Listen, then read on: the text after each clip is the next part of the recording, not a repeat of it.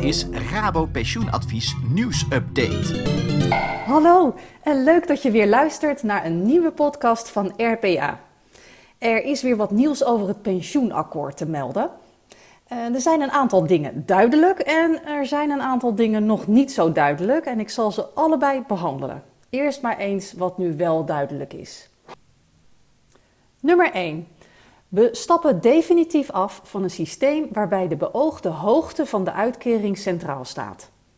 In plaats daarvan komt een premieregeling met een projectierendement, in zowel een collectieve variant als een meer individuele variant. Dat eerste wordt het nieuwe pensioencontract genoemd.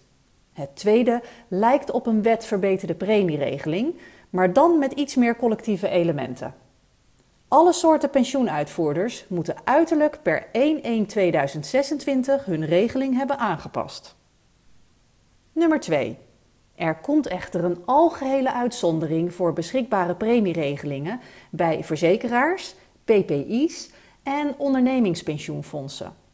Voor bestaande werknemers zullen de oude regelingen blijven bestaan. Nieuwe werknemers of mensen die van baan wisselen komen in een nieuw contract. Betekent wel dat werkgevers dan te maken hebben met twee pensioenregelingen tegelijk. Nummer 3. Pensioenfondsen met een dekkingsgraad boven de 90% krijgen eind dit jaar opnieuw een uitzondering van de verplichting om te korten. Nummer 4. Invaren, dat is het overhevelen van oude aanspraken naar het nieuwe contract, wordt de norm, tenzij pensioenfondsen daar gemotiveerd van willen afwijken. Nummer 5. Wijziging van het partnerpensioen. Er komt meer uniformiteit in het partnerpensioen bij overlijden voor de pensioendatum. Voor de liefhebbers op risicobasis en rechtstreeks gekoppeld aan het loon. Nummer 6. ZZP'ers krijgen mogelijkheid om zich vrijwillig aan te sluiten bij het bedrijfstak pensioenfonds van hun sector.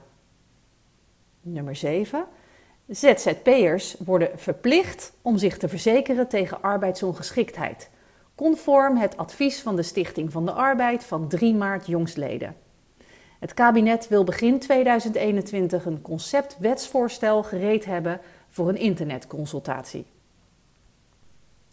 Verder gaan ook alle wijzigingen met betrekking tot AOW, vroegpensioen en lumpsum door zoals gepland. Dit betekent minder sterke koppeling van de AOW aan de levensverwachting, worden we gemiddeld één jaar ouder dan acht maanden langer werken.